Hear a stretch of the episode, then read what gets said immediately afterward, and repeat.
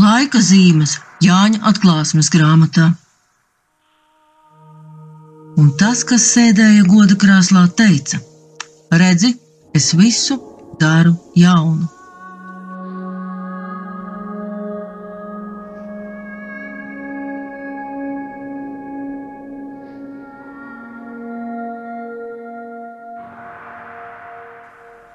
Šodien runāsim par pēdējo trīs dusmu kausu izliešanu.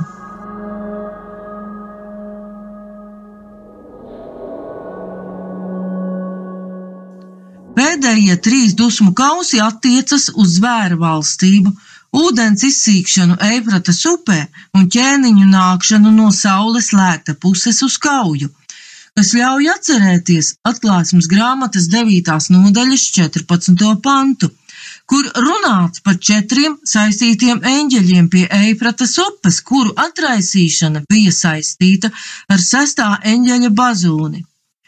Te šis ir sestais dusmu kauss. Eņģeļu atraisīšana pie sestās bazūnes nozīmēja daļēju cilvēces bojāēju. Kā varējām saprast no teksta, gan ar kāru postu, gan cilvēka paša iekārēm un dzīvošanu pēc miesas gudrības – kad šīs iekārtas uzbrūkā karaspēks. Šodien pētāmais teksts runā par ķēniņiem no saules lēkta puses un Harmagedonas jeb galīgo kauju starp ļauno garu, tā sekotājiem un dievu. Kaut gan sestā dusmu kausa pārbaudījums ietver karu un ļaunumu spēku konsolidāciju, jāpievērš uzmanība tam, ka minētie ķēniņi uz kauju nāk no saules lēkta puses – tātad no austrumiem, kas rakstos nozīmē dieva sfēru. Tātad pēc šīs kaujas, kad ļaunums paliks zaudētājs, dievs nāks uz tiesu. Savukārt septītā kausa izliešana gaisā nozīmē visa universa satricinājumu, ļaunuma galīgu sakāvi un bābeles, kura tekstā ir ļaunuma simbols, bojā eju. Dieva vārda zaimošanai un viņa ignorēšanai ir sekas. Atklāsmes grāmatas 16. nodaļā un 10. pantā mēs lasām. Piektais izlēja savu kausu pār zvēra troni, kad viņa valstība tapa tumša un tie aiz sāpēm sakoda savas mēlis. Atcerēsimies, ka cilvēki jau tika sodīti ar slimības postu, sapratām, ka tā ir simboliska arī apzīmē grēku. Visa dzīvei paredzētā vide jau ir sabojāta. Bībeles pētnieks Leple zvēra troni interpretē kā zvēra no jūras, par ko lasījām atklāsmes grāmatas 13. nodaļas pirmajā pantā - galvaspilsēta, kas atklāsmes grāmatas sarakstīšanas laika kontekstā var būt Roma, bet pētnieks Ostaņskis norāda uz sātana mājokļa un visas viņa sistēmas salaušanu. Bet pētnieks Vēns Millers piektā dusmu kausa izraisīto tumsu par zvēru valstību interpretē kā laicīgo varu nespēju laiku beigās sniegt cilvēkiem visas tās lietas, ko viņi ir solījuši. Šīs varas nespēja nodibināt sociālo taisnīgumu un nespēja nodibināt mieru virs zemes. Lūkojoties šodienas pasaulē, var teikt, ka visu triju pētnieku viedokļi nav pretrunā, bet papildina citu citu un ļauj mums izdarīt savus secinājumus. Dažādi režīmi un varas ir intensīvi solījuši zem, paradīzi zemes virsū. Romas valdītāji kādu laiku nodrošināja Paks Romana, jeb Romas mieru ar zobenu. Romas mieru garantēja tās labi apmācītie un bruņotie leģioni. Savukārt zināma labklājības ilūzija tika radīta ar ļoti vienkāršo metodi spēles un maizi, kas tiek pielietota arī šodien. Spēles papildinājušās ar televīzijas šoviem, interneta azartspēlēm, un jāatzīst, ka diemžēl arī sporta nozarē ir saglabājušās šādas tādas Romas gladiatoru laika varētu teikt, atraugas. Nereti dzirdam, ka kāds klubs iegādājies vienu vai otru sportistu par tādu un tādu summu, vai arī vērtīgākais spēlētājs bija tāds un tāds. Zināmas asociācijas ar visām šīm sen aizgājušām impēriskām varām var izraisīt arī šodien labi pazīstamais jēdziens darba tirgus. Un kaut nav tiešā nozīmē vergu pirkšana un pārdošana, strādājošs cilvēks bauda zināmu brīvību, tomēr ir jautājums, vai mūsdienu kapitalistiskajā sistēmā uz cilvēku skatās kā uz lietu, darba rīku, kam ir jābūt ar tādām vai citādām prasmēm, noteiktā vecumā un tā tālāk, vai kā uz cilvēku radītu pēc dieva tēla, kuram ir savas noteiktas spējas kādam konkrētam darbam, ar kuru viņš spēja būt līdzdalīgs pasaules pārvaldīšanā, kopšanā un sargāšanā. Šie it kā valodiskie sīkumi tomēr parāda šo mūsdienu sabiedrībā dziļi paslēpto seno impēriju atavismu, barot cilvēku ar ātrām un lētām izpriecām, tajā pašā laikā šādā vai tādā veidā dodot iespēju vieniem paverdzināt citus. Materiālo resursu sadalījuma disproporcija pasaulē. Neliela saujiņa ir neiedomājami bagāti, uz milzīgu nabadzīgu cilvēku masu rēķina, dažādu it kā labākas dzīves piedāvātāju ideoloģiju caukrišana un dieva doto likumu ignorēšana visos šajos veidojumos ļauj to saprast kā zvēra valstību cauri vēstures gaitai. Arī šis pārbaudījums tumsa sasaucas ar izceļošanas grāmatas notikumiem, 9. Ēģiptes mocību. Izceļošanas grāmatā 10. nodaļā 21. un 23. pantā lasām. Un tas kungs sacīja uz mūzu, izstiep savu roku pret debesīm, ka nāktu tumsa pār Eģiptes zemi. Tāda tumsa, ka to ar rokām var grābt. Un Mūzus izstiepa savu roku pret debesīm, un bija bieza tumsa visā Eģiptes zemē trīs dienas. Tic cita nevarēja redzēt un arī neviens trijās dienās necēlās no savas vietas. Bet visiem Izrēļa bērniem ar vien bija gaisma savos mājokļos.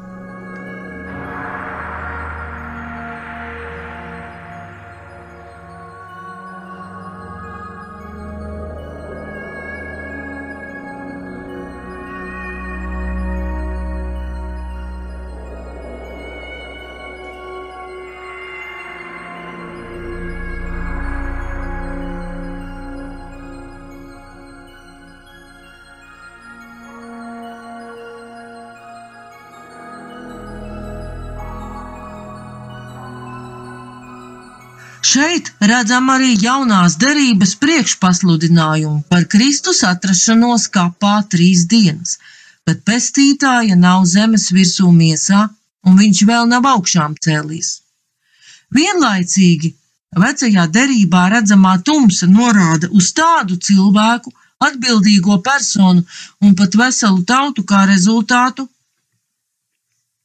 veselu tautu atrašanos tumsā kā rezultātu tam, ka tie ir ilgstoši atsacījuši dievam, paļaujoties uz sava miesas prāta gudrību. Kā faraons var atlaist tik lētu darba spēku? Šī tumsa norāda arī uz nespēju redzēt lietas, kādas tās ir dieva gaismā. Savukārt atklāsmes grāmatas teksts vēstīja par dieva taisnības piepildīšanos, un ņemot vērā mūsu kunga pestīšanas darbu, varam teikt, ka viņa nāve un augšām celšanās, viņa izlietās asinis ir tas dievu dusmu kaus, kas padara zvēru valstību tumšu. Jo pats kungs Jāņa evaņģēlijā saka, ka ir nācis pasauli atpestīt, lai ik viens, kas tic, viņā iegūtu mūžīgo dzīvību, Jo tik ļoti Dievs pasauli mīlējis, ka viņš devis savu vienpiedzimušo dēlu, lai neviens, kas viņam tic, nepazustu, bet dabūtu mūžīgo dzīvību. Jo Dievs savu dēlu nav sūtījis pasaulē, lai tas pasauli tiesātu, bet lai pasaule caur viņu tiktu glābta. Kas tic viņam, netiek tiesāts, bet kas netic, ir jau spriedumu dabūjis, tāpēc, ka nav ticējis Dieva vienpiedzimušā dēla vārdam. Bet šī ir tā tiesa, ka gaisma nākusi pasaulē, bet cilvēkiem tumsība ir bijusi mīļāka par gaismu, tāpēc, ka viņu darbi bija ļauni. Nu, mēs lasām Jāņa evanģēlijā, 3. nodaļā, 15. līdz 19. pāns, un redzam, ka šī kunga tiesa ir citāda nekā mēs esam pieraduši tiesu uzlūkot. Svērs un tā komanda ir iznīcināti ar vārda, iemiesošanos un upuri. Sestā dusmu kausa izliešanas aprakstā minētā Harmagedonas kauja atklāja demonisko spēku konsolidēšanos pārliecībā par savu spēku un uzvaru, kas kļūst par sakāvi Dieva lielajā dienā.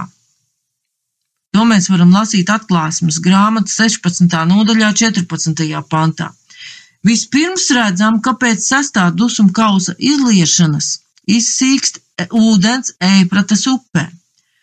Kā jau minēju, Eipratas pieminēšana atsauc atmiņā sestā eņģeļa bazūne atklāsmes grāmatas 9. nodaļā 14. pantā. Un atcerēsimies, ka šī upe Romas impērijā bija robežšķirtne starp impēriju un barbaru apdzīvotiem apgabaliem, starp Romas teritoriju un partiešu valsti, kuras armija bija spējīga pretī stāvēt Romas karaspēkam. Šī robežšķirtne nozīmēja lūzuma vietu starp drošību un iespējamiem draudiem no nezināmām barbaru tautām. Tāpat redzējām, ka situācija ir ļoti līdzīga šodien. Novecojošo Eiropu, kura ir aizmirsusi savas kristīgās saknes un paļaujas tikai uz saviem spēkiem, apdraud austrumu tautas, kurām ir cita kultūra, paradumi, reliģija, bet kuras ir skaitliski lielas, vitālas un kurām trūkst dzīves telpas. Sestās bazūnes pārbaudījumā nekas nav teikts par upes ūdeņiem, bet sestā dusmu kausu izliešana rada ūdeņu izsīkumu Eifratā. Ķēniņiem no saules lēkta puses šis kauss sagatavo ceļu. Kā raksta Bībeles pētnieks Nikolas Sraits, šis teksts atkal pamodina Rietumē Eiropas iedzīvotāju bailes no ienaidnieka, kas nāk no austrumiem, un kas Romas impērijas laikā bija partiešu valsts. Eifrata šeit nozīmē robežu dabisku barjeru, kurai grūti tikt garām. Eifrata minēta arī radīšanas grāmatas otrajā nodaļā 14. pantā, kā viena no upēm, kas apūdeņo ēdenes dārzu, tātad drošības vietu. Tātad arī tur tā ir barjera, kas nodrošināja dārza labklājību.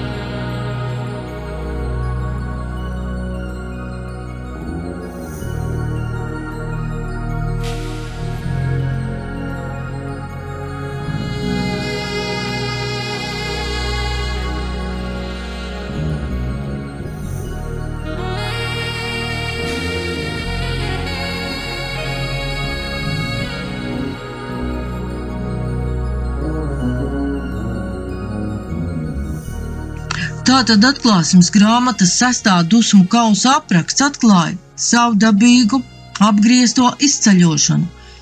Kā savā laikā Izraēļa bērni sausām kājām pārgāja sarkano jūru, te var sausām kājām ērti atnākt karotāji uz kauju. Redzam, ka kaujā tiks iesaistīti ne tikai atnācēji no saules lēkta puses. Atklāsmes grāmatas 16. nodaļas 14. pants runā par visu pasaules ķēniņu sapulcināšanu kaujai Dieva visu valdītāja lielajā dienā. Ar pasaules ķēniņiem te var saprast visus režīmus, varas un ideoloģijas, kas mēģina pastāvēt bez dieva, jo tos kopā savāc nešķīstie gari, kuri kā vardas iziet no pūķa, zvēra un viltus pravieša mutes. Un es redzēju no pūķa mutes un no zvēra mutes un viltus pravieša mutes Iznākam trīs nešķīstus garus kā vardas. Tie ir ļauni gari, kas dara brīnumus. Tie aiziet pie visiem pasaules ķēniņiem, lai tos pulcinātu cīņai dieva, visu valdītāja lielajā dienā. Atklāsmes grāmata 16. nodaļa 13. 14. pants. Šie ļaunie gari varžu veidā savus sekotājus ievelk bezcerīgā cīņā Vārdas varam sastapt arī izceļošanas grāmatas 7. nodaļā, 26. 20, līdz 29. pantam. Vārdas ir otrā mocība un lien visās cilvēku dzīves vietās, gultās, namos, krāsnīs, apbrās, muģūdeņos, no kuriem tās izlīdušas uz cilvēku mītnēm. Tātad arī no tumsas trīsvienības iznākušo varžu nešķīstā runa iespiedīsies visdažādākās dzīves sfērās. Pētnieks Raits min dažādu ideoloģiju izplatību plašsaziņas līdzekļos, avīzēs un tā tālāk.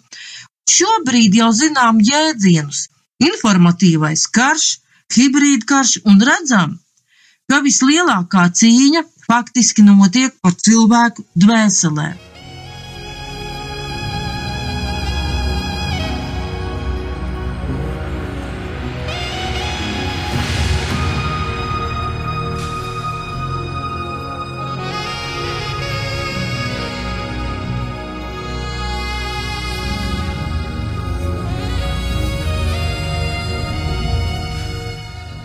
Šo tumsas trīsvienības propagandistu varžu darbības aprakstu seko kunga brīdinājums atklāsmes grāmatas 16. nodaļā 15. pantā.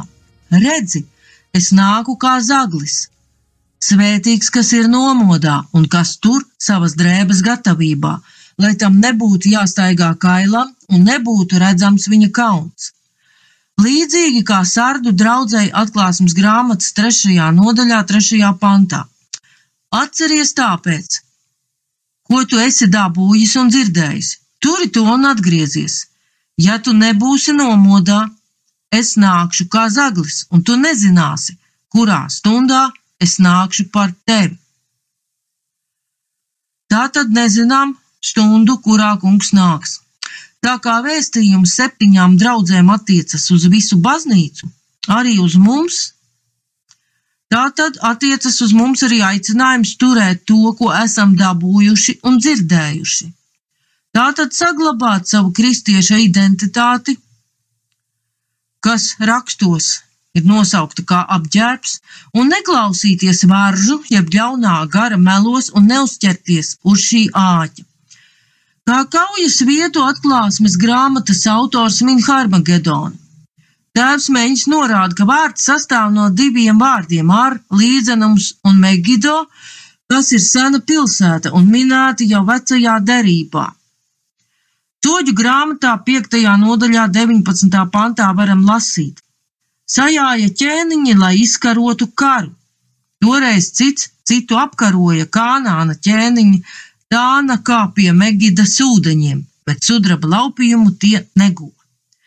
Šeit redzam, ka pagānu ķēniņi apkaro cits citu, un varam vilkt paralēlus ar mūsdienu valstu vadītāju nespēju izlemt par kopīgu rīcību, ne lokālo konfliktu noregulēšanā, ne migrācijas izraisītajai citu tautu invāzijai.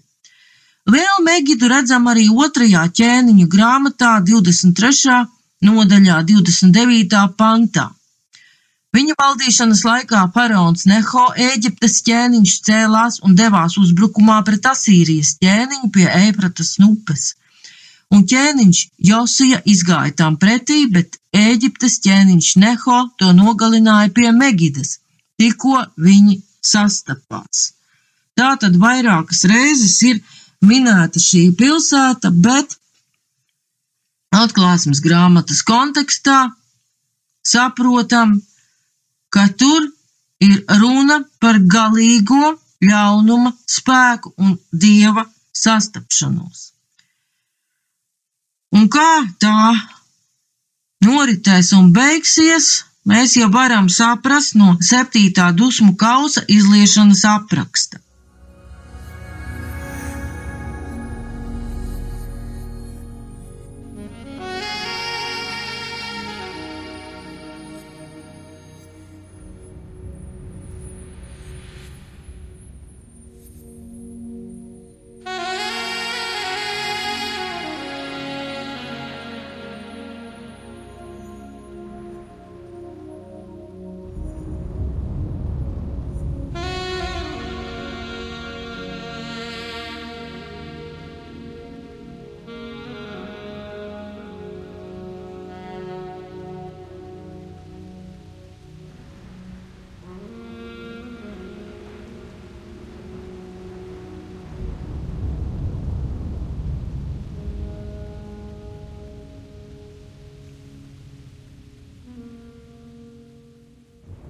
Septītā dusmu kausa izliešana ievada pasaules valstības bojā eju.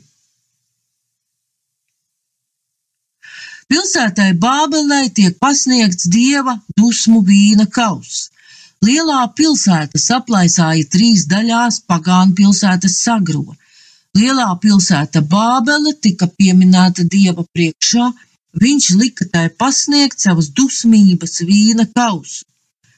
Atklāsmes grāmata 16. nodaļa 19. pants.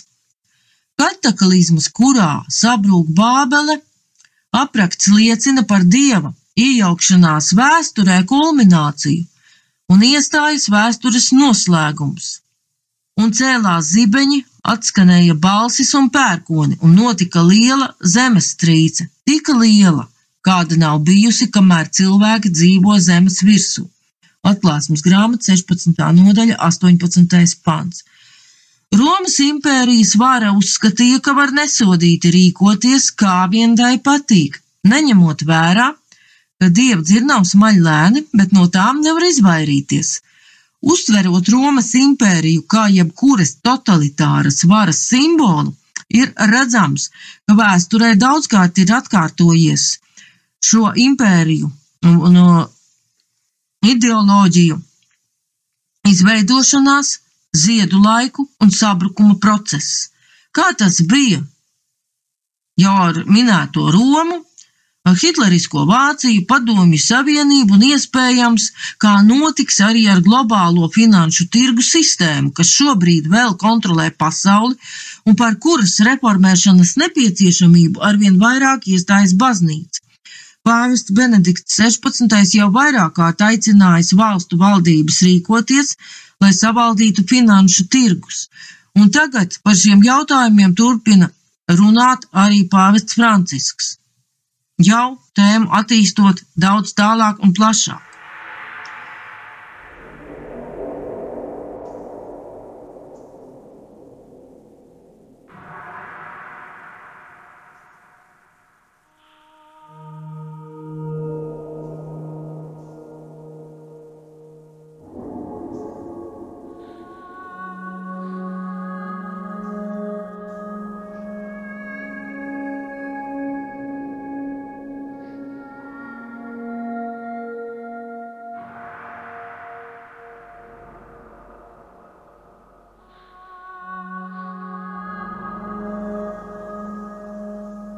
Tagad jau emeritētais pāvests Benedikts 16. vairāk kārt aicinājis valstu valdības rīkoties, lai savaldītu finanšu tirgus un uzsvērs nepieciešamību reformēt globālās ekonomikas sistēmu, no kuras vissmagāk cieši tieši visnabadzīgākie. Un šīs aktivitātes, kā arī jaunā evanģelizācija, liecina, par baznīcas un dieva valstības augšanu, kurā pats kungs ir klātesošs līdz laiku beigām. Un caur baznīcu dieva valstība ienāk mūsdienu pasaulē. Tāpat arī kādā uzrunā Aglonas svētkos Rīgas arhibīskaps Sankievičs norādījis uz nepieciešamību no mankārības ambīcijām un sava labuma meklēšanas neatpestīto politiku un ekonomiku no jauna atvērt uz augšām celtā Kristus klātbūtni. Un kaut šie vārdi ir teikti vairākus gadus atpakaļ, pašreizējie notikumi norāda uz to tikai pieaugošo aktualitāti. Kad ir atklātas dažādas nelikumības, pat tādās valsts iestādēs, šobrīd kā valsts ieņēmuma dienestā, kurām vajadzētu tieši rūpēties par kārtību un godīgumu valsts finansēs. Tā tad atveroties uz Kristus klātbūtni, Dievs ienāktu arī visās laicīgajās norisēs, kas vienlaicīgi nozīmētu arī pasaules valstības sabrukšanu un Kristus tādu, kā var teikt, starp atnākšanu.